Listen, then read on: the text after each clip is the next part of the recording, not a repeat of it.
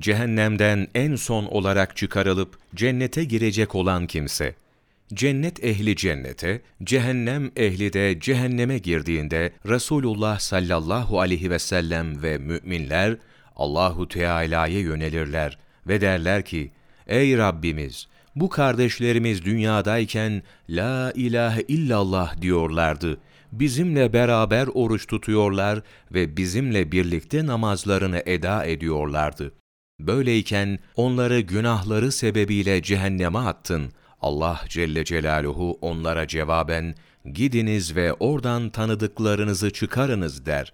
Müminler giderler ve suretlerinden tanıdıklarını oradan çıkarırlar ve şöyle derler.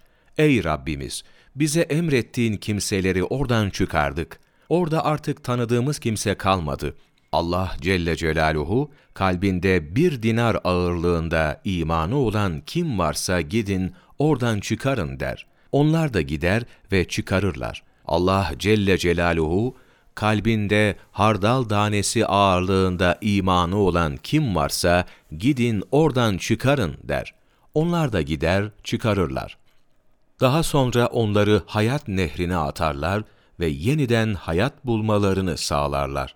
Resulullah sallallahu aleyhi ve sellem, cehennemden en son olarak çıkarılıp cennete girecek olan kimseyi de bizlere haber vermiştir.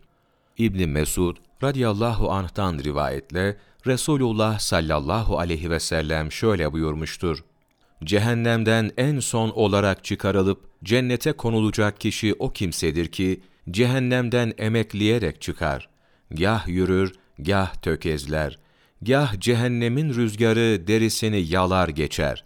Ne zaman ki cehennemi tamamen gerisinde bırakıp dönüp ona bir nazar eder ve şöyle der.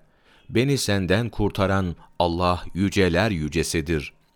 Kuşkusuz Allah, evvelkilerden ve sonrakilerden hiç kimseye vermediğini bana vermiştir. Bir menzileden başka bir menzileye geçe geçe, sonunda en son cennete girenlerden olur. Müslim, Muhammed Mütevelli Şaravi, Kur'an'da Kıyamet Sahneleri, sayfa 183-184, 4 Kasım Mevlana takvimi